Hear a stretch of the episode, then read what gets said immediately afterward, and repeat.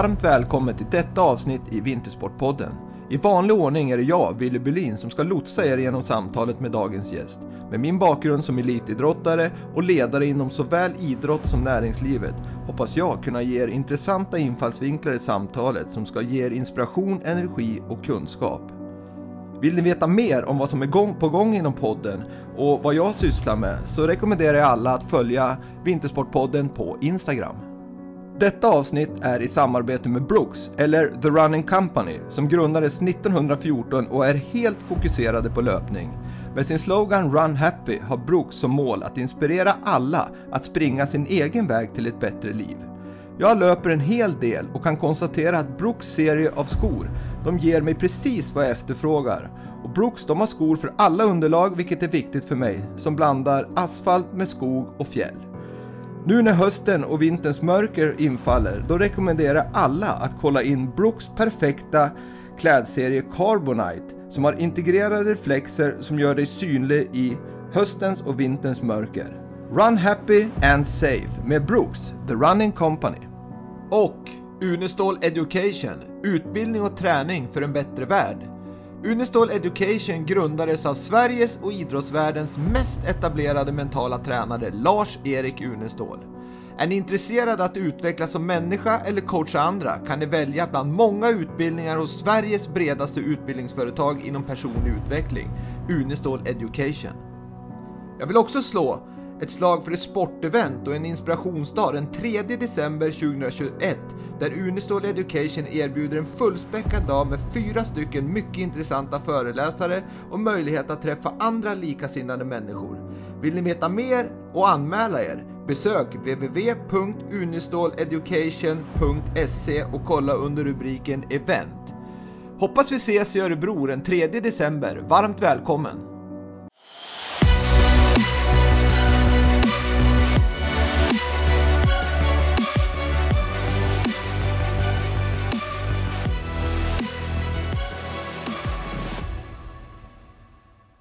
Dagens gäst i Vintersportpodden. Världsmästaren i skidskytte 2021, Martin Ponsiluoma. Varmt välkommen till Vintersportpodden Martin. Stort tack, det är riktigt kul att vara med. Ja men verkligen och det är ju en färsk, tänkte jag säga, även om det har gått ett tag så är det en färsk VM-medaljör som som är eh, ung och lovande fortfarande tänkte jag säga och, och vi ska prata lite om eh, OS-uppladdningen här men naturligtvis ska vi också hålla oss till din bakgrund och eh, liksom säsongen här när du tog ditt VM-guld och gjorde det riktigt stora genombrottet. Och så sen såklart så måste vi inför ett OS också prata om din utvecklingspotential och, och vart du har luckor i din, i din kompetens som du måste täppa igen för att bli en ännu mer etablerad världsåkare. Hur låter det?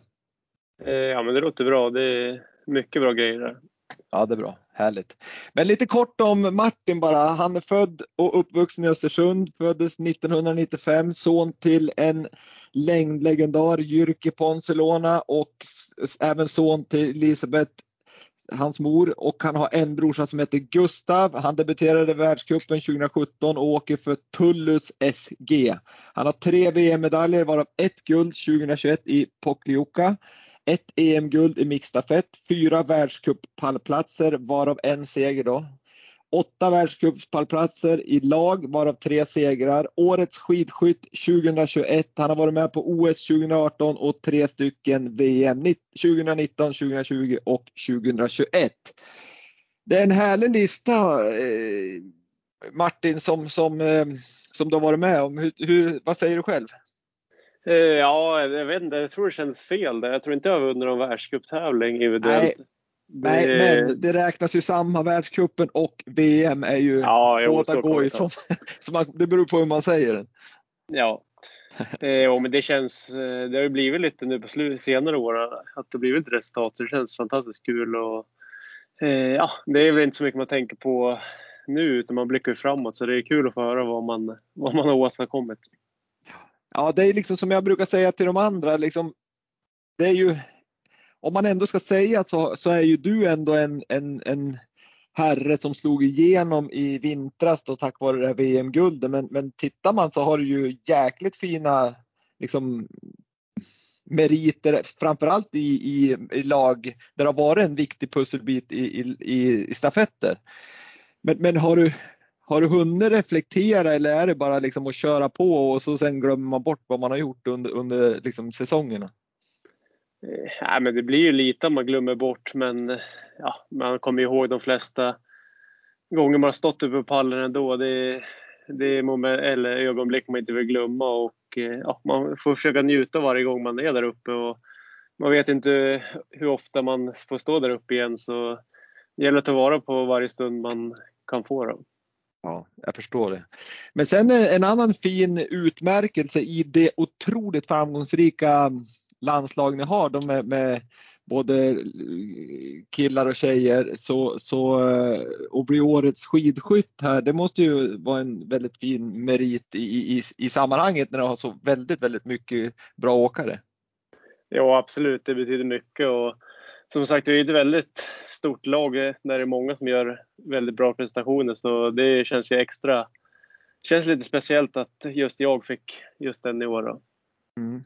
Ja, det förstår jag verkligen, men, men med all rätt eftersom du var väl en liten skräll får man väl ändå säga när du klappade hem eh, VM-guldet, det, det, måste vi säga. Men, men, innan vi går in på, på just VM-guld och säsongen i sin helhet så kan vi börja lite grann med, med Martin Ponsiluona, vem du är och så att eh, lyssnarna får, får en bakgrund till ja, men lite din uppväxt och vad det är för typ av människor, var, var, dina egenskaper, varför du har blivit så, så duktig. Men, men du är född och uppvuxen i Östersund med din pappa Jyrki och mamma Elisabeth och brorsan Gustav.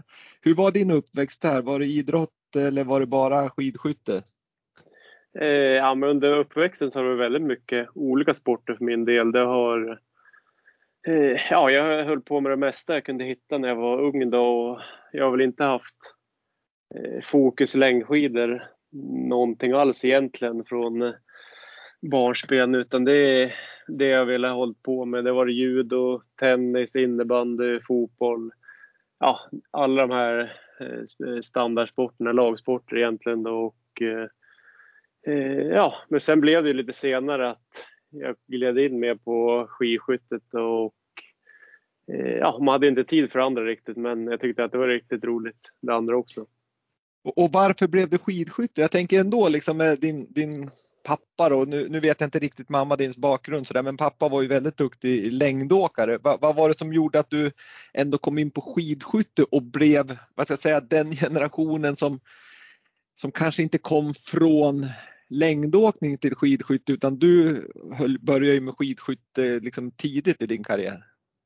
Eh, ja, men jag, tror att det var ett eh, tidningsurklipp som mamma hade sett där. Och, eh, ja, att det var en prova på-dag. Jag tror jag var runt 10-årsåldern och eh, vi åkte dit och jag hade ju alltid åkt skidor ända sedan jag var liten och tyckte det var roligt. Så det, det var det här med skyttet som jag fastnade för verkligen och tyckte det var riktigt kul. Då. Och, mm ja, ända sedan den dagen så började jag i Tullus skidskytte och eh, ja, var med på klubbträningar där och sen har det utvecklats med tiden. Då.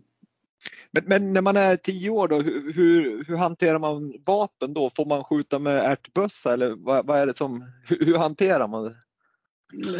Just då så hade vi 22 lång som eh, vi tävlar med idag. Då. Det, Vapnen såg lite mer basic ut. Det var gamla militära vapen kan man säga. Så stockarna har väl gått framåt väldigt mycket genom åren eh, mot vad det såg ut just då. då men eh, om man börjar idag som tioåring så tror jag man börjar med luftgevär faktiskt och eh, skjuter med det upp till, eh, ja jag vet inte helt hundra vilken eh, åldersklass det är men eh, man får i alla fall börja med luftgevär och Eh, inte skjuta med 22 lång. Och då lämnar man geväret på skjutvallen eller tar man med sig även luftgeväret?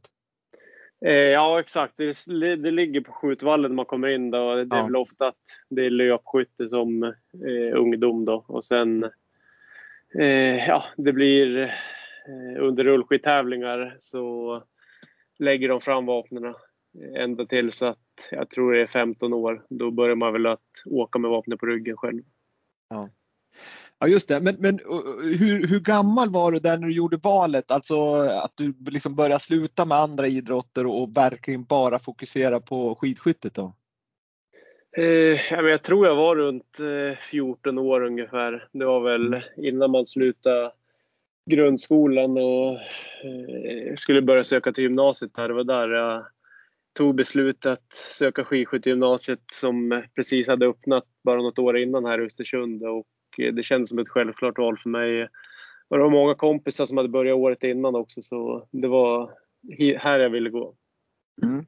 Ja, vad kul! Och eh, då, då kom ju frågan, liksom, du har hållit på med mycket lagidrotter och många idrotter eh, i övrigt också. Men, men vad kan du säga att du har fått med dig från andra idrotter till, till den liksom, eh, höga prestation du har idag? Är det, är det någonting du kan bära med dig?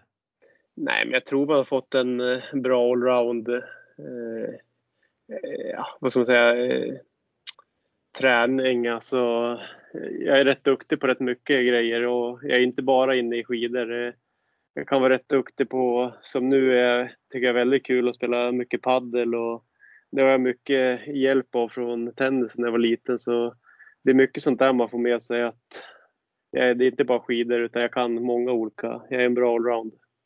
Ja, vad kul. Det, det tycker jag jag brukar säga det att längdåkare annars är ju inte så här super allround utan jag tycker ofta andra idrotter som alpint och några andra skicross och sådär, de brukar vara lite mer allround. Men det är kul att höra att, att du är det och, och framförallt så måste jag också fråga att du spelar paddel. Är det någonting som eh, Johannes Lukas tycker är bra? Jag tänker på skaderisken där med hälsenor och sträckningar och så vidare.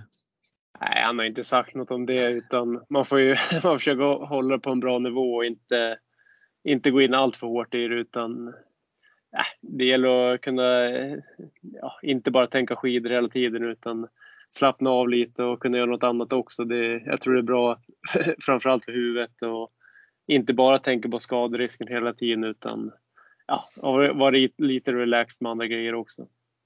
Ja, för det är en intressant sak det du säger där med just den här balansen. För, för många idrottare har ju liksom kanske lite problem just med att hitta den här balansen. Jag tänker både balansen i livet, alltså att ja, men att man ska få med lite, att man ska ändå hinna njuta av, av sina framgångar, man ska kanske göra annat för att kunna slappna av i huvudet. Det är den ena delen och den andra delen att man har balans i träningen så att man får in ja, alla delar av träningen och att man får in kost och vila och så vidare. Men om vi tar den här delen som har med balans i livet att göra, hur, hur är liksom paddel en sak som gör dig liksom att, att du kan fokusera på någonting annat än bara träning och skidskytte? Eh, ja absolut, det är väl framförallt paddel och flug, eh, flugfiske har blivit väldigt mycket sista åren då och eh, ja, jag tycker att det är skönt att hitta på något annat, komma ut och tänka på något helt annat och Eh, ja, framförallt fisket har blivit väldigt mycket sommar. Det jag och Oskar Brandt i laget, vi brukar slå samman och åka iväg när vi har någon ledig stund. Så jag tycker att ja, det är värdefull tid att återhämta sig på också. Att eh, vara ute och bara njuta. Det behöver inte vara något speciellt. Det kan vara regn och sol. Ja, vi bryr oss inte så mycket om väder utan det är bara skönt att kunna slappna av lite grann. Mm, jag förstår det och det är ju jäkligt eh, en styrka att kunna göra det och om man liksom verkligen kan göra det för många blir ju bara ännu mer stressade av att liksom, nu ska vi åka iväg två dagar och fiska och, och liksom, dricka kaffe och fiska och så sen men då är det många som ligger och tänker på fasiken jag skulle ha tränat och jag skulle ha tränat och så blir det liksom en ond spiral. Men, men där lyckas du verkligen med att känna att du, du kan harmonisera. Ja absolut och sen har jag väl känt lite sista åren nu att lite aktiv vila på en vilodag, det är inget negativt för mig utan jag tycker att det gör gott för kroppen. Det, det kan ju vara väldigt jobbigt att bara ligga i soffan en hel dag också och eh, starta igång träningen efter en, bara en dag. Det kan, vara, kan bli riktigt seg bara lägga på Netflix. Så ja. jag tycker det är skönt att aktivera sig lite grann ändå på en vilodag. Ja, men det, det håller jag faktiskt med om att, att håller, är man van att träna då, då, då, kan faktiskt en, sån här, en hel dag på soffan nästan bli jobbigt för kroppen. Men du, jag tänker på som person så har ju folk runt om dig som jag har pratat med beskriver dig som liksom cool person. Alltså inte cool att du tror att du är tuff utan lugn och väldigt fokuserad. Fokuserat, fokuserad kille liksom. Hur, hur, skulle du själv säga att du är? Är du liksom den här lugna killen som, som kan hålla fokus på det du ska göra och inte liksom ja, håller på med allting annat och stressa upp dig över saker? Jo, men absolut, det skulle jag nog säga. Det är väl en nyckel jag har. Jag är väldigt lugn och ja, lägger inte så mycket energi på onödiga grejer utan eh, ja, jag är duktig på att fokusera när det gäller tror jag och framförallt på träning har jag väldigt bra driv och och ja, dras inte med om det är något skit liksom. Det, det, jag vet vad jag ska göra så det känns väldigt bra. Mm, ja, det är bra för, för det är många där som kan liksom, det är dåligt väder eller någon tränare har gjort sig eller så eller skidorna är på något vis och så börjar det gnälla så då är det lätt att, att folk hänger med i det och så kan man ju förstöra träningspassen tack vare sån onödig onödigt fokus men det är ju också en jäkla styrka så det känns som att du har många bra styrkor här, här Martin. Men, men är det här någonting du har fått hjälp med med mental träning eller är det någonting du liksom har med dig från uppväxten att du är väldigt liksom trygg i dig själv och, och liksom kan hålla tankarna på, på rätt nivå?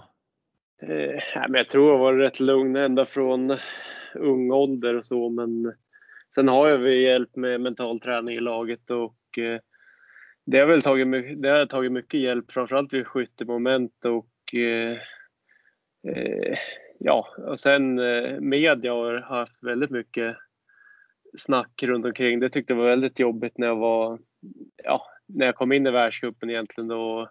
Det var en helt ny värld att ja, ha en kamera upptryckt i ansiktet. Det var något jag verkligen inte tyckte om och eh, ja, det är sådana bitar jag jobbar mycket med. Det är väl framförallt skytte och eh, media då som är de stora bitarna.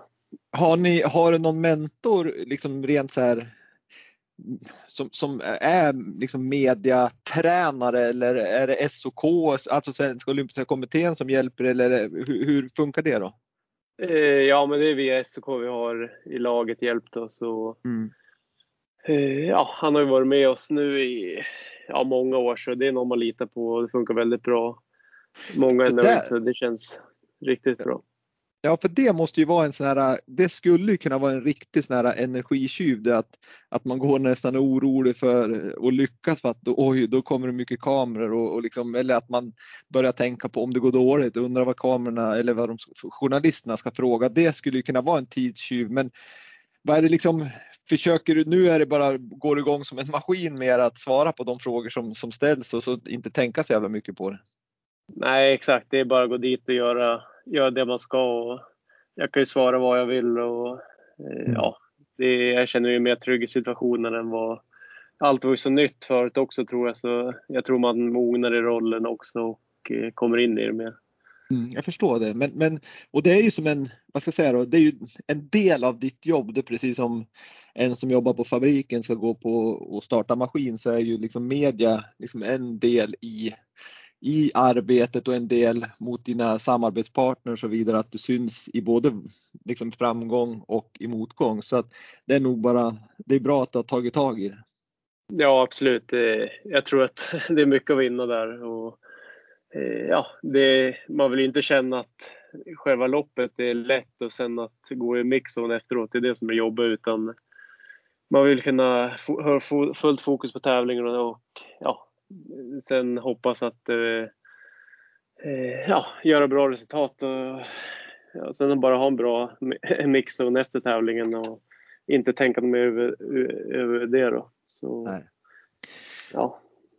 Nej, men det, det, det är jättebra. Sen, sen, måste jag komma in på liksom, om man tänker då, naturligtvis har ju din familj varit med dig sen, sen du föddes då, men om vi tar från 14 års åldern kanske då, när, när du börjar välja eh, skidskytte och du, du börjar gå på skidgymnasium så vet jag att det är en person och det är väl din pappa då, eh, Jyrki som, som du sa också efter VM-guldet att du hade aldrig stått eh, där om, om inte din pappa hade varit så väldigt stöttande. Eh, vad är det liksom, vad är det han har gjort jag förstår att en förälder är en förälder, men har han gjort någonting speciellt och gör han fortfarande någonting speciellt i din karriär just nu?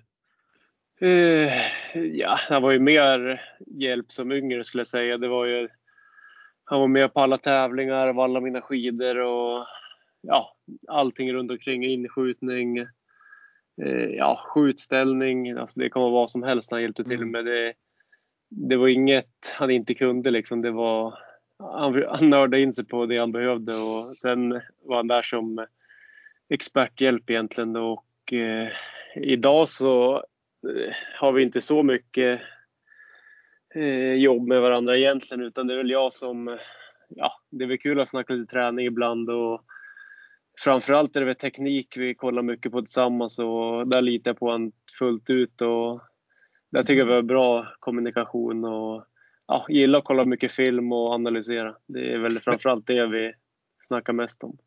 Men det är okej okay för liksom de andra tränarna, jag tänker de tekniktränare har på laget, eh, de tycker det är okej okay att du bollar det med någon annan än dem?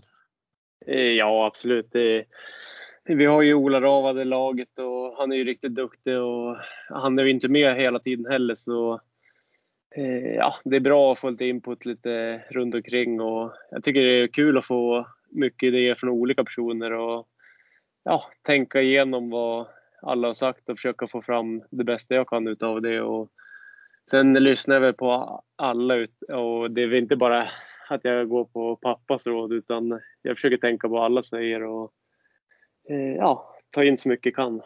Jag förstår det och det är ju, det är ju såklart är man lugn och fokuserad då, då klarar man nog av att hantera många liksom, olika inputs och så sen tar man ut liksom, russinen ur kakan och försöker liksom koka ihop en egen liten soppa som blir framgångsrik. Så det, det tror jag många, det, det, låter som du klarar av det men det är inte alla som gör det tror jag för då kan det nog bli kaos i skallen på dem när de får för mycket input från höger och vänster. Jo, så är det säkert. Men, men jag, jag, vet att du har gjort ett, ett du, du uttalade det i Expressen i, i somras att eh, att du tror på dig själv framåt, vilket jag tycker är väldigt härligt att läsa, liksom att någon vågar ändå säga att äh, men jag tror på mig själv framåt. Och det, det, utifrån det här samtalet, korta samtalet, så känner jag ändå att ja, men fasiken, det är nog genuint så faktiskt. För att jag tycker att du, du har bra tankar och du är som, liksom lugn och fokuserad och men vad är det som gör att du tror på dig själv framåt? Jag, jag, jag förstår att naturligtvis tror du på dig själv, men är det någonting du känner när du liksom när du ser på dig själv och så jämför med de andra i världscupen, är det någonting där du ser liksom att äh, fasiken med mina kvaliteter, förbättra bara det här lite grann, då tror jag på mig själv framåt? Eh, ja, men det är ju från förra säsongen så har jag sett att skidåkning har tagit ett väldigt stort kliv framåt och det har ju varit väldigt stor trygghet Eh, under hela den här säsongen som var och att man känner inte den här pressen att jag måste skjuta 100% varje tävling att göra ett bra resultat. Jag kunde ha en bom och vara med och fighta som en pallplats i en sprint och så. Det, det är väldigt skön känsla att ha att ja, inte känna att det här måste, att det måste vara noll varenda gång jag är inne på skjutvallen utan jag kan klara mig med en bom eller två bom om det är fyra skjutningar Eh, så det är väl framförallt skidåkning som har gjort att jag tror, så, att, ja, jag tror mycket om mig själv då och mm. eh, bara skyttet blir lite stabilare så vet jag att ja, då är jag där uppe och fightas nästan alla tävlingar och, och eh, ja, jag tror jag hade femte eh, åktid genom hela säsongen i vintras och det är väl något jag vill försöka bibehålla och förbättra lite grann så Eh, ja, bara skyttet blir några procent bättre så, så ska jag vara med där uppe hela tiden så det känns riktigt kul. Nej, men det, jag, jag, förstår, då, då har vi egentligen svaret på nästa fråga. Men om du kanske kan utveckla den och se mer än bara vad du svarar nu. Så är det liksom för att bli den här, nu har du bevisat att du, du är en toppåkare i och med att du är världsmästare. Men för att bli liksom ja, men vara med och slåss om totala kuppen kanske eller få tio pallplatser och fyra eller fem segrar på ett år. Vad är det då du känner att här måste jag fokusera mycket eller mer för att bli den här etablerade i toppen? Mm, ja, men det är absolut på skyttet då som måste bli måste bli vassare och hålla en högre lägstanivå. Det är för mycket berg och dalbana även fast det var lite bättre vintrar sen var det var åren innan nu och eh, ja, jag har haft lite problem med skytte. Jag har inte riktigt hittat Eh, ja, eh, den, den skjutställning jag vill ha då egentligen och det var första gången i år jag tycker att nu börjar det kännas riktigt bra. Jag har en ny stock inför den här säsongen som är riktigt bra anpassad för mig så det känns riktigt kul att vi har hittat något som känns bra nu. Men, men eh, man, man, man, tänker så här som när man inte är skidskytt Eh, så, då tänker man ja men om det är skyttet som är avgörande för att du ska bli liksom etablerad toppåkare jämt. Är det inte bara att nöta på utav helskotta på vallen liksom? Eller, eller är det så mycket annat som, det är inte, det är inte mängden kanske som avgör? Nej, jag tror att det är väl mycket känsla man har just där och då. Lite, man kan inte bara tokskjuta, utan man måste ha en tanke bakom varje skott också. Det, det är inte mängden skott som avgör hur bra skytt man blir. Det är väl det är eh, kvaliteten på varje skott och eh, ja, jag tror vi har Ja, men sen skjutställning har en väldigt stor betydelse också i, i skyttet. Man kanske inte tror att eh, ja, det har så stor betydelse utan det är bara huvudet. Men det, har, det, det, betyder rätt mycket. Man kan känna mycket puls i vapnet eh, på tävling. Och, mm. eh, ja, det är många delar som, som ska in där och eh, skyttet är väldigt svårt att förklara för någon som inte har testat på det. Utan det är många faktorer där som måste stämma. Så, men, men det är, är det, vilken är det svårast att hitta ställning när det är stående eller liggande? Eh, nej, men jag, jag har väl haft lite problem med liggande de sista åren. Det är väl där huvudproblemet har suttit. Det var det att ja, jag har flyttat träffbild när det blivit tävling. Att jag skjuter in mitt i, men sen under tävlingen så bommar jag till höger. Och eh, ja, så, så var det egentligen genom hela säsongerna som varit ja, de sista två åren kan jag säga. Så... Har det något med pulsen att göra då? Att du får högre puls då? Att du ändrar liksom ställningen för att du får sån hjärtklappning? Nej, men jag tror jag hittar problemet. Det är mitt kindstöd som har varit lite ja, felanpassat och eh, ja, vi har byggt om det rätt mycket för att ja, jag har lagt huvudet olika från eh, ja, när jag tävlar egentligen. Så. Det är svårt. Det är små detaljer men eh, det gör stor... Och då, gjut, och då gjuter man en stock speciellt när då, som, som ska vara bättre anpassade, liksom att man specialgjuter själva liksom, ja, böss, stocken på bössan. Liksom. Eh, ja, det ju, finns många olika tillverkare idag men eh, ja, jag har ju valt en fransk stock då, men där har vi väl fått väldigt bra hjälp. Vår skjutcoach har, ja, han är ju schweizare och kan franska så han har ju informerat vad som gäller och hur han vill ha det åt mig. Så det, det har funkat riktigt bra. Då. Mm. Och det är Jean-Marc Chablot va, som är skjutcoach? Ja exakt, han klev ju in i laget förra året och eh, ja, det är han som jag har som skjuttränare också. Jag hade han eh, bitvis under gymnasiet också så det är någon jag är väldigt trygg med och haft ett väldigt bra arbete med nu så det känns riktigt bra. Mm, ja, han verkar ju vara en väldigt härlig människa om inte annat för man såg han under under VM där och, och verkligen en, en härlig profil måste jag säga. Otroligt bra. Eh, men, men om jag skulle vända på det här lite, för nu har du ju visat en, liksom en väldigt liksom fokuserad och lugn eh, mental eh, styrka hos dig och, och, och du, jag tycker du bevisar genom hela samtalet att, att du verkar vara väldigt sansad och sådär. Men, men är det någonting i, ja, men i livet och i, i speciellt då i idrottsprestationen eller, eller när du är på tävling eller något som får dig i obalans som du måste verkligen förbättra liksom för att det här stör mig. Någon, det kan ju vara vad som helst att de kör för fort med bilen dit eller det snöar eller att du inte får rätt flingor på frukosten eller något. Eh, nej, jag tycker inte, det brukar inte vara några direkt grejer som jag blir ofokuserad av innan tävling utan Eh, ja, ibland kan man väl tycka att vädret är mindre kul, så är det ju, men eh, det är ju lika för alla så det är ju inte så mycket att göra av det egentligen. Så, eh, nej, jag kan inte komma på något direkt så som får mig ur balans direkt. Och du har inga sådana här konstiga eh, rutiner före där du måste gå med vänster fot in eller du, ingen får komma före till, till start eller något sånt där som, som kan störa det? Nej, absolut inte. Det, eh, nej, jag har ingenting egentligen som jag gör varje gång utan det, det, det kan se olika ut. Mm.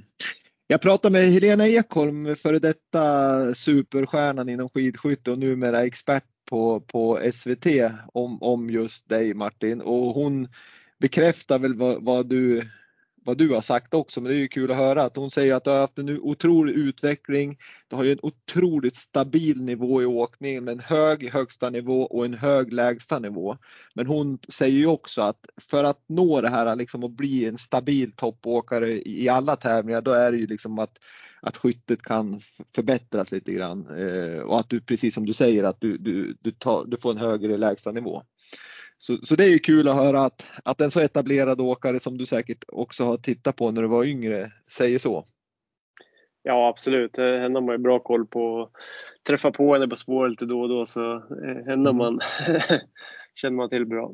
Ja det är bra. Och, och Ferry, eh, den gamla OS-guldmedaljören, han, eh, Björn Ferry, han, han har ju någon, vid något tillfälle kallat det för Hulken. Och är det så du känner nu efter liksom sommarträningen och nu när du går in mot skidsäsongen och, och en OS-säsong? Är du stark som en Hulk?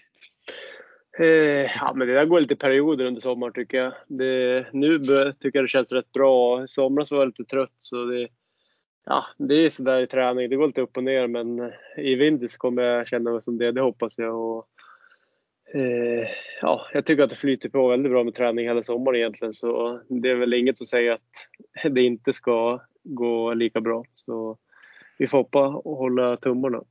Ja men verkligen. Men, men om, vi, om vi då går till för, förra säsongen och där du, där du har haft, liksom, du har haft fina liksom, framgångar rent om man tänker som jag sa där i, i, i stafetter där det har varit en stor eh, viktig pusselbit i att ni har tagit pallplatser och vunnit stafetter. Du har väl egentligen inte haft några sådana här super eh, ja, placeringar eh,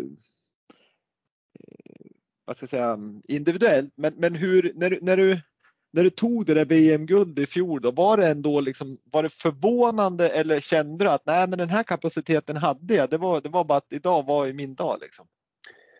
Nej men jag kände väl innan där VM att eh, när jag hade hela bagage, eller säsongen i bagage, att ja, jag har ju möjlighet på en, eh, eh, ja, en medalj om jag gör, gör mitt livslopp, så är det ju. Och, eh, sen hade jag väl inte räknat med ett guld, det kan jag väl inte påstå, men en medalj hade väl förhoppning på. Framförallt i sprinten som, eh, ja, det är väl min favoritgren egentligen då. Två skjutningar och 10 kilometer passar mig väldigt bra och eh, eh ja, det var väl det lopp jag hade snackat upp på förhand också som var min höjdpunkt för VM. Så det känns ju riktigt kul att lyckas just, just det loppet då. Och det var ju dessutom då så när du knep det där guldet så var det första här i guldet sedan 1958 bara det måste, hade du koll på det när du, när du stod där och tog emot eh, medaljen? Nej, det hade jag ingen aning om. Det, det känns ju riktigt stort att det var så, ja, det så måste många år sedan det var någon som hade gjort några liknande. Så, ja, det, ja, men det måste ju vara jättestort det verkligen. Alltså, det är ju helt fantastiskt. I, I, min värld så är det ju liksom jättestort verkligen.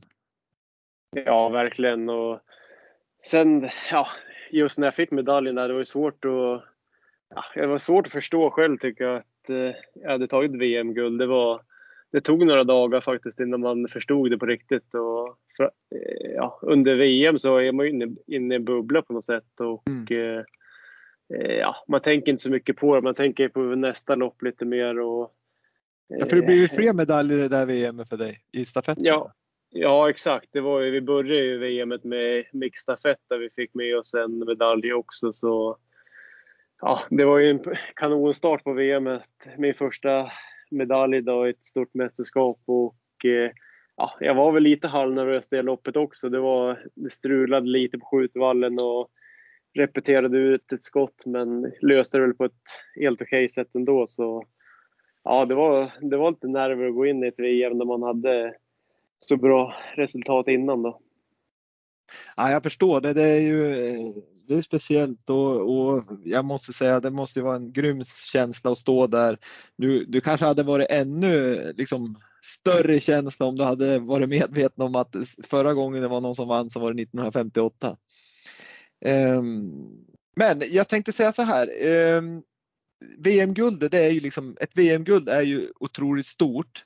Och min fråga blir liksom hur, hur har det förändrat ditt eh, liksom, jag ska säga liv, men naturligtvis så gick du från en mer okänd till en känd person. Det kanske blev andra liksom sponsorkontrakt och, och, att du ska ställa upp mer på, på aktiviteter med sponsorer och media och så vidare. Hur, hur känner du att det har påverkat dig som, som både liksom person och, och som idrottsman?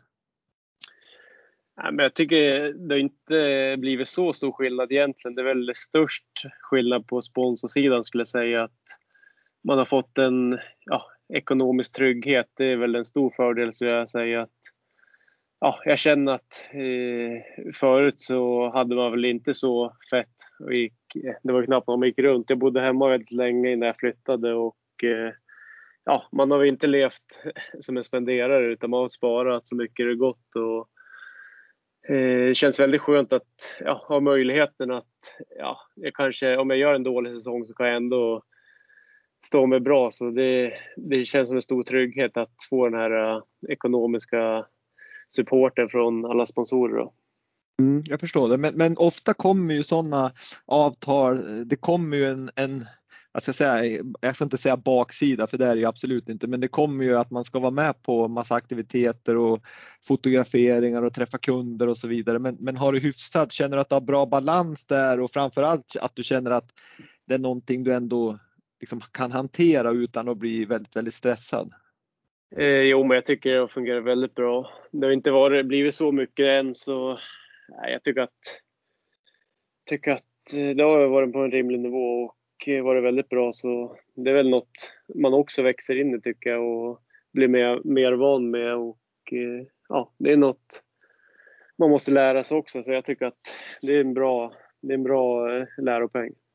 Ja men verkligen. Och sen är det ju som så också att sponsorerna är ju ofta sunda också för att de vet ju att, att de, de vill ju att du ska lyckas, att de vill ju som inte ställa till det för dig heller. Så att så att jag tror att ofta går det där bra om man har en bra öppen dialog. Absolut. Eh, men det är härligt att höra och kul framförallt att höra. Sen, sen måste jag verkligen säga att, att, eh, att du har ju fått som sköna betyg tycker jag från, från stora åkare i, i ja, dina liksom tävlingskollegor där de liksom skämtsamt sa att eh, när du vann VM-guldet, det var ju tur att, att det var såna här krav på munskydd så slapp de se ditt leende. Det var ju Johannes, eh, Johannes Dale och Johannes Tingnes Bö som sa det och det är ju två liksom, storåkare sådär. Men, men, men naturligtvis skämtsamt. Och då, då sa de ju just det att du, du är ju en grym skidåkare och framförallt så är du ju en väldigt, väldigt skön typ som de sa, alltså en skön människa. Och jag tycker det känns som bara det här samtalet, men, men när jag har läst på om dig så, så känns det som att många liksom har den synen på det, att du är en, du är en jäkligt eh, fin kille om jag får säga så, som, som, som man trivs med. Men, men känner du att när du är ute på touren att, att du är liksom bra polare med dina liksom, kollegor? Eh, jo men absolut, det tycker jag. Framförallt Norge har väl blivit, eh, det har ju blivit bättre med åren. Det var ju många många dueller i stafetter med dem så det, vi har lite extra rivalitet där. Det är de man vill slå och de är ju favorittippade jämt så det är kul när vi väl lyckas slå dem. Och det är ofta att vi överpresterar i stafett och ja, kan stå, stå och snacka lite mer om det efteråt. Det, det är kul att ja, det har blivit den här lite Norge-Sverige-fighten, det tycker jag absolut. Men, men är, det, är det på rätt nivå? Jag, jag tyckte på längdsidan var det nästan som Northug-diskussionerna där. De gick väl nästan på gränsen till överstyr. Men ni har en som en skön eh, liksom batalj mot varandra. Ja, absolut. Det, ja, jag tycker det är riktigt schyssta killar och vi har en riktigt bra nivå. Så det, det är inget som håller på att gå överstyr. Det, jag tycker att det, det är riktigt fair. Ja, men härligt att höra. Kul! Eh, nu har vi gått igenom eh, liksom, lite snabbt din säsong, eller din karriär ska jag säga, och din uppväxt och, och VM-guld och vad det har betytt och så vidare. Och då kommer vi direkt in på, på, på eh, OS då, som, som går, går av stapeln i Kina i februari 2022, det vill säga näst, alltså säsongen som kommer. Och eh, där kan vi väl börja med att säga så här att du, du är ju förhandsnominerad av Svenska Olympiska Kommittén här tillsammans med några andra. Eh, och det måste ju vara, till skillnad mot 2018 var du ju inte förhandsnominerad och då var ju ditt första OS. Men, men hur, hur känns det liksom, det måste ju vara väldigt stor betydelse att redan nu veta att du har en plats på OS och att du redan nu kan liksom lägga upp planen för uppladdning och du behöver inte stressa för att vara bäst i december. Hur, hur ser du på det liksom?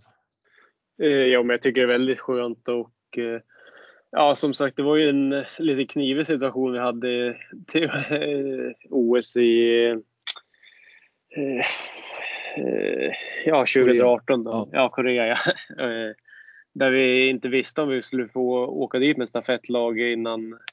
Ja, det var inte alls långt innan vi blev uttagna och eh, eh, ja, så det är väldigt skönt att ja, känna att nu är jag färdig och eh, kan lägga en plan och vara i den bästa formen just till OS. Det, det känns väldigt tryggt och kul att de tror på en.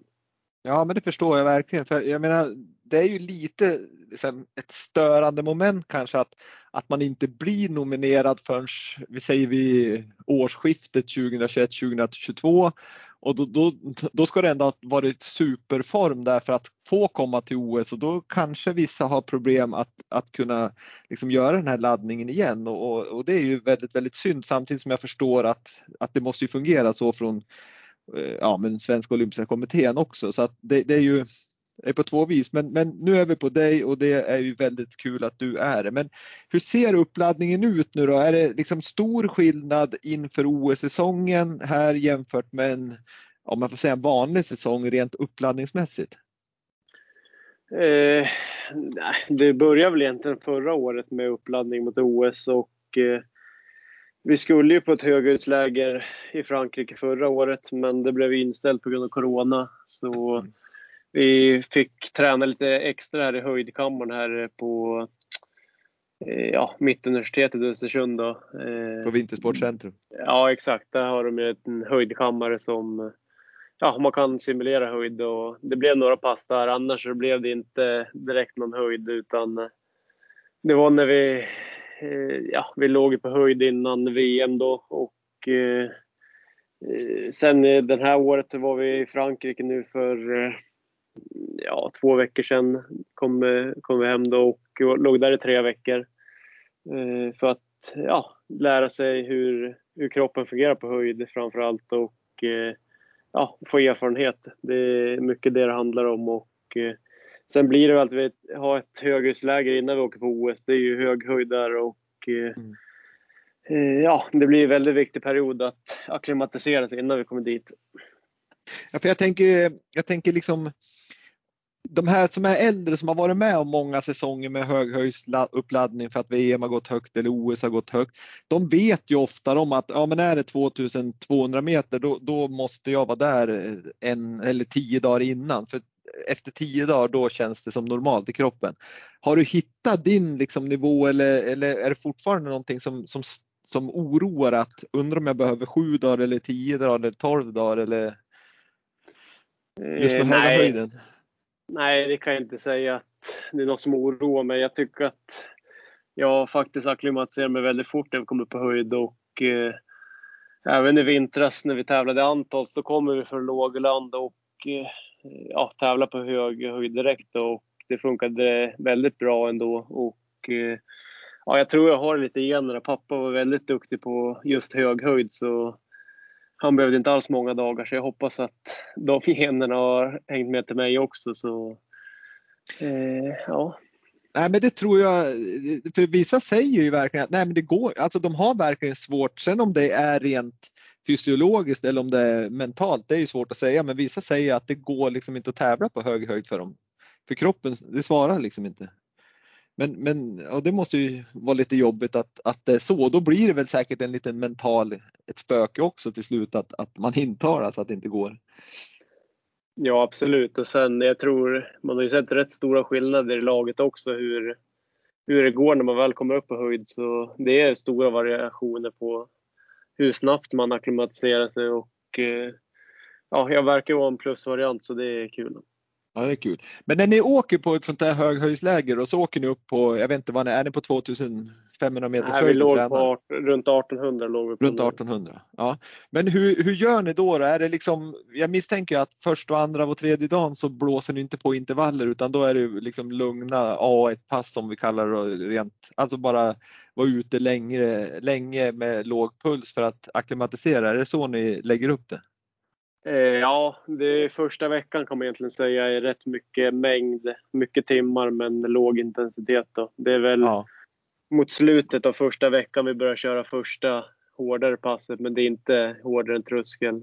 Alltså hålla 4 millimol i blodet. Då. Det, mm.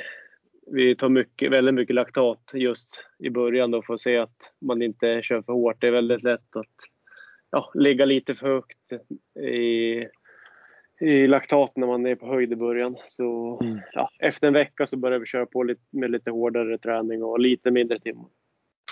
Och, och, och, bara för att beskriva laktat och är det att man inte har för mycket om man säger mjölksyra i blodet om man ska översätta det enklare.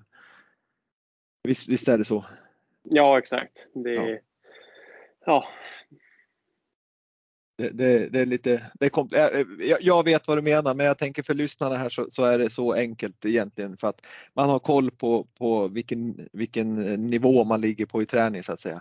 Men, men hur, om du tänker uppladdningsmässigt annars då, är det, kan man säga liksom rent generellt sett att ni kör relativt mycket mängd under sommar Eh, och sensommaren och så sen ju närmare säsongen ni kommer så går ni in mer och mer på, på eh, mer liksom högkvalitativ intervallträning och tuffare liksom lopp om man säger. Ja, i stort kan man ju säga så. Vi tränar väl rätt mycket perioder och eh, ja, i början av träningsåret då är det väl väldigt mycket timmar och ja, bara tröskelträning. Då. Det är inte alls att man plågar sig någonting utan det blir senare under sommaren man kommer in på just de hårdare, hårdare passen, framförallt mot rullskid vi har i augusti. Där brukar vi ha lite ja, lugnare träning men mycket hårda pass för att ja, få in lite ett fartblock i två veckor där och sen går vi tillbaka till lite mer grundträning, lite mer timmar och eh, lugn träning då. Och sen in mot vintern så blir det ju hårdare intervaller igen då. Ja, intressant som 17. Men, men normalt sett inför ett OS så brukar man ju alltid ha som ett, man kallar det för test-OS säsongen innan. Och det skulle det även vara det här året men det blev ju inte så tack vare, eller tack vare, eh, dessvärre på grund av coronan. Men, men hur, hur har ni koll på banorna? Har ni liksom filmar dem och, och har höjdkurvorna så att ni kan ställa in såna rullskidband efter hur, exakt hur, hur lutningarna är och backar och så vidare? Hur, hur tänker ni där? Eh, vi fick faktiskt en film i somras från eh, alla banor på snö. Så vi har väl sett lite hur, hur banan ser ut men det är väldigt svårt att avgöra hur branta backarna är för det är väldigt öppet på stadion och eh, ja, det, är inga, det är inga träd eller eh, ja, natur runt omkring som man kan eh, få en bild av hur branta backarna är. Det ser ut som slakmotor egentligen hela banan. Så det blir spännande att se. Det, jag tror att en bana som är ja, jag tror det är rätt tuff. Det blir mycket treansväxel man kan säga i skidåkning. Och, det är inte så mycket växel 2 som är eh, vad ska man säga, växel man åker när det blir branta uppförsbackar. Det blir mycket eh, Dubbel, alltså köra på sta, stakning på varje skär va? Ja exakt, det blir mm. mycket mm. sega backar tror jag, men inte de här vrålbranta. Hur, hur passar det dig då, din åkstil? Eh, ja, men det... Jag brukar gilla knixiga banor. Att mycket växel 2, det brukar vara min det jag gillar mest. Men vi har haft mycket fokus på växel 3 nu och framförallt nu när vi var i Frankrike hade vi många långa pass upp för där vi bara åker växel 3 och ja, försöker hitta en bra känsla där. Så det är inget jag är orolig över utan eh, jag brukar anpassa mig till de banor vi har och försöka åka så fort som det bara går oavsett hur de ser ut. Så nej, det är inget jag är orolig över utan eh, ja, jag tror att det blir, det blir en bra bana. Ja, men det låter bra. Men om, om vi pra, du pratade att det inte var något träd och sånt där på, eller så mycket träd i alla fall. Hur, hur påverkar det? Jag tänker på skytte på vallen och så där att, att det kanske blir väldigt öppet med, med vindar och, och så där. Är det någonting som, som du känner kan påverka dig eller tävlingarna överlag? Har ni, fått eh, någon, har ni fått någon koll på ofta, hur är vädret? Är det blåsigt där under februari eller hur, hur, har ni någon koll på det? Mm, jo, men jag tror det kan vara rätt trixig i Valda faktiskt. Det kan nog blåsa en del och framförallt så ska det vara väldigt kallt.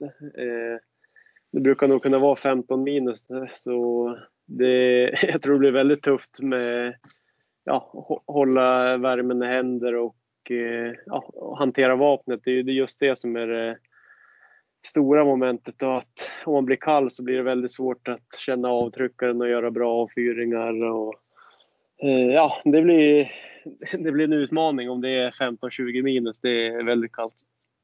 Jag förstår det. Det är ju, det är ju dels det och så hantera luftrör och så lite hög höjd på det. Så det, det är ju många moment där som, som, som spelar in. Men där ser jag att du och dina kollegor i svenska lag ändå har en viss fördel som bor i Östersund där det, ja, men det är ofta kallt. Det, det blåser ju en hel del i Jämtland ofta och, och, och liksom där det kan vara byigt och så vidare. Så där kanske ni har en fördel jämfört med de här vackert väderåkarna ner från Europa.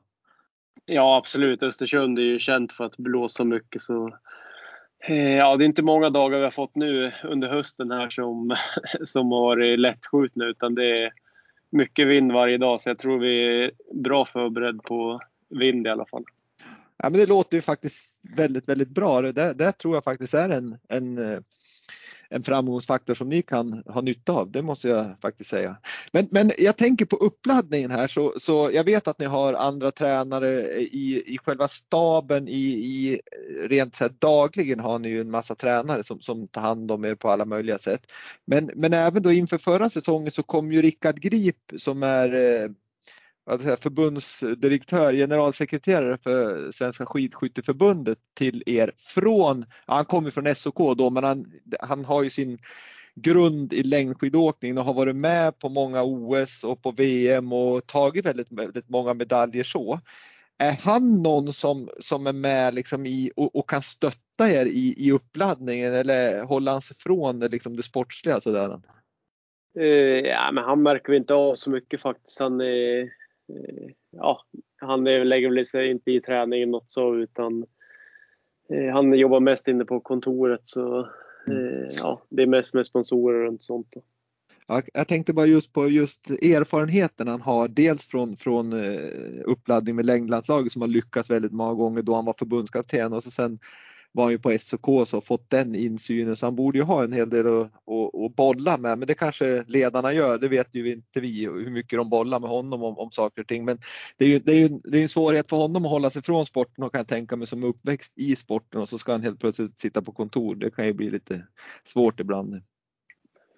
Ja absolut. Jag, ingen, ja, jag tror de har bra dialog tränarna. Det, det är jag ja. helt säker på. Jajamän. Uh, jag tänker på om vi pratar träning och sånt där och uppladdning och, och hur, hur, man ser på det så har ju du nu har du ju som huvudtränare Johannes Lukas och så sen har du ju ändå när du kom in i lag och gjorde världscupdebut och så vidare så var ju Wolfgang Pichler din tränare då. Eh, och jag har ju sett när han körde uppladdning, jag tror det var i ja, det var länge, länge sedan när han körde uppladdning med, med Magdalena Forsberg på ett OS och där han körde jäkla stenhårt alltså dagarna innan träning. Men hur, hur tycker du liksom, hur skiljer sig Fischlers liksom tränarstil jämfört med dagens Johannes Lukas i, ja, men i uppläggningen? Körde han hårdare eller körde han, hade han mindre liksom balans i, i träningen eller, eller är det ungefär lika? Har du, någon, har du någonting att säga om det? Eh, ja, men jag skulle nog säga att eh, det var ju som en chock när man fick Wolfgang. Och jag skulle ju precis sluta gymnasiet när jag kom med i A-laget första gången då och eh, eh ja, det blev ju en väldigt stor omställning. Det var stenhård träning och ja, det är väldigt uppstyrt vad man ska göra. Det är, man kan inte komma med några åsikter själv utan det, man ska göra det som står i planen. Och, idag så skulle jag nog inte säga att vi tränar lugnare utan det, det är nog mer att man kan välja lite mer fritt vad, ha en dialog med Johannes vad, vad man vill träna lite mer och eh, ja, jag har ju just den här dialogen eh, kring träningen som är den största skillnaden. Det är inte att vi har gått ner i hårdhet på träning utan eh, den är fortfarande väldigt hög och följer egentligen ja, Wolfgangs träning rätt bra i planering. Så just eh, planeringsmässigt så är det inga stora skillnader. Nej, men det, det, är väl, det är väl lite så man har fått eh, förstått också för Johannes är väl liksom, har väl gått lite grann i Pirsle skola men han kanske har tvistat till det lite grann vad det gäller liksom hur för att få åkaren att må, må bra också för det är som jag sagt tidigare så balansen är ju viktig där. Ja absolut. Men, det är, ja. men hur, jag måste återgå igen till, till, OS för jag glömde att fråga där om, om just banorna sa du det var förmodligen slakmota, treans växel mycket. Det är på ungefär 1800 meters höjd tror jag OS kommer gå va? Ja exakt. Ja, men hur, jag får en känsla av att snön kommer vara lite speciell där. Är det någonting ni pratar också om? Jag misstänker att vallarna har bra koll på, på snön och, och slipar och så vidare på strukturen. Men, men är det någonting du har någon känsla av hur, hur det kommer vara? Eh, ja, men jag tror det kommer bli väldigt kärvt. Det kommer nog inte gå lätt och eh, det är väl spott att det är mycket sand i snön tror jag. Så ja, det blir intressant det. att se hur, hur det kommer vara där nere. Och Eh, Eh, ja, jag vet inte om det är från några öken och drar in sand eller vad det var snack om. Så det är väldigt speciellt tror jag. Jo, men det är så. Det blåser in sand tror jag, från, någon, från någon öken där och det kan ju naturligtvis ställa till det för både slipar och, och, och vallar och så vidare. Nu klarar ni från er fästvall i alla fall, men, men ändå, det kan, nog, det kan nog vara lite speciellt. Men återigen, där har du sagt att det är lika för alla så att eh, Martin Ponsilon, han kommer bara skita i allting sånt där han och köra, eller hur? Ja, absolut. Eh, sen hoppas jag att det blir lite grisigt för det. Det, det är något jag har tyckt förut hatade det, men nu tycker jag att det är väldigt kul när man får, ja, när det är svåråkt. Det är mycket tänka hela tiden när man åker. Det, det har blivit min styrka tror jag. Att I de tuffa förarna försöka hitta det som går lättast hela tiden. Det, det tror jag är en ja, eh, bra grej jag har. Och när du menar med grisför, är det att det kan vara så här sockerigt eller att det är kärvt eller det, det är sånt ja, för? Det är väl ofta att det är mycket socker eller att det går väldigt tungt. Eh, ja, mycket lössnö då, kommer nysnö mm. eller vad som helst. Men ja, när det är kärvt då är det väl då är det inte så mycket att göra. Det blir nästan som rullskidåkning. Det är stenhårda spår och ja, det är bara att gneta på. Det är tur att vi kör tunga skateskidor på träningen på sommaren så vi är vana Ja, men jag tänker, vad är det som, vad är det som eh, triggar det att det är bra? Är det att du ser att, att motståndarna kanske ser negativ ut och gnäller på dåligt underlag, att det triggar eller är det bara att du, ja, du går i allmänt igång på, på svåra underlag?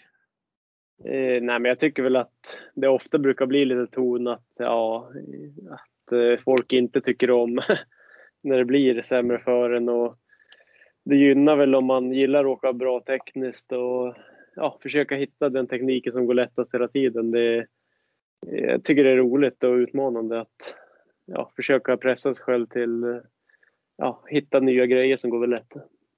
Ja det, ja, det är bra. Jag tror det är helt rätt inställning jag tror, jag tror på vad du sa i Expressen där i somras, att du tror på dig själv. Det tycker jag du ska definitivt göra, för jag tror också på dig.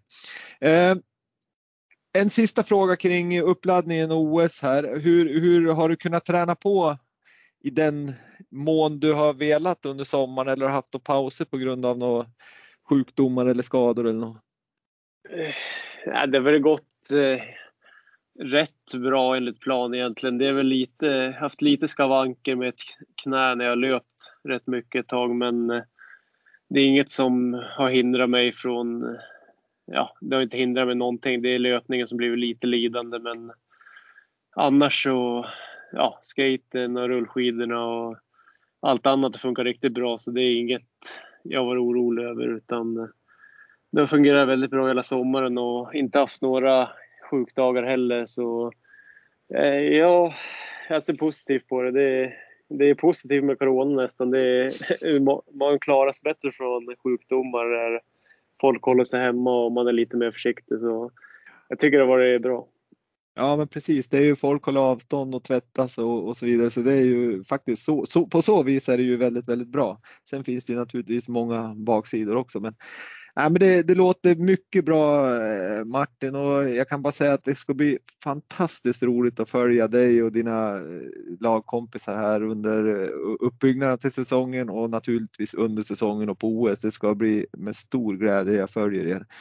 Eh, vi ska börja runda av här och vi har en, eller vi har flera, men jag ska ta en, en, eh, lyssnarfråga här som som jag tycker själv är ganska rolig att höra. Men, men vad är ditt favoritpass? Liksom, oavsett om det är löpning, rullskidor, på skidor eller vad som helst, styrkepass. Vad, vad är liksom det du verkligen säger, det här tycker jag är så fantastiskt kul att göra?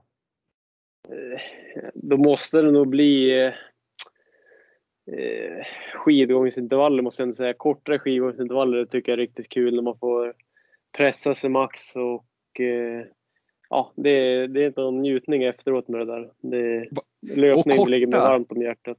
Ja, men korta skidgångsintervaller, då kör du typ en slalombacke. Är det, är det ja. 30-15 eller är det längre än så? Nej, men ett fyra minuters drag ungefär. Några Oj, så långt. Ja. Det är, ja, jag vill inte ha en timme upp för det, det Men om du kör fy, fyra minuter, är det Gustavsbergsbacken i Östersund ungefär eller? Nej, det Jo, exakt. Det är den nya sidan av Gustavsbergsbacken, Ladängen. Ja. Där får man väl ihop ungefär fyra minuter om man kör mm. fullt ös från botten. Då. Så ja, det är bra pass. Ja, men intressant att höra. Mycket intressant. Eh, innan jag ställer sista frågan som jag ställer till alla gäster som, som är med i Vintersportpodden så måste jag bara fråga om är det någonting jag har glömt som du tycker att du borde tillföra och, och som du vill säga till våra lyssnare? Eh, nej, jag tror du har nog fått med rätt mycket. Så är det ju. Men ja. Det är nog inget speciellt som jag tänker. Nej, men då, då får vi, vi kanske får ta ett avsnitt här innan eh, OS och stämma av formen. Ja, absolut. se, se hur formen är och, och om du kan ge några förhandstips. Det skulle vara intressant faktiskt. Men den sista frågan som jag ställer till alla i podden. Den är också enkel, du kan svara kort på den och den lyder så här. Säg en framgångsfaktor för att lyckas med idrott. Uh, ja, men det är att hitta den här av och på-knappen. Det tror jag är väldigt, väldigt viktigt. Mm.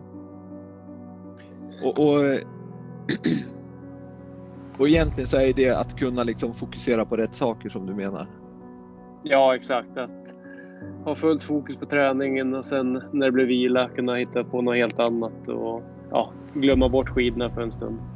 Så ja, ja vara inne i träningen och sen kunna släppa den för en stund.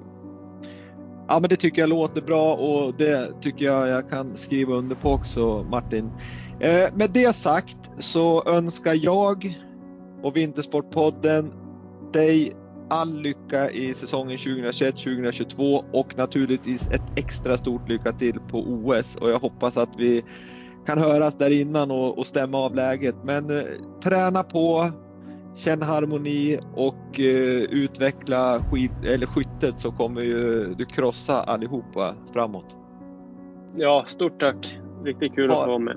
Ja, ha det så jättebra. Ha det bra! Mm. Hej hej! Hej hej!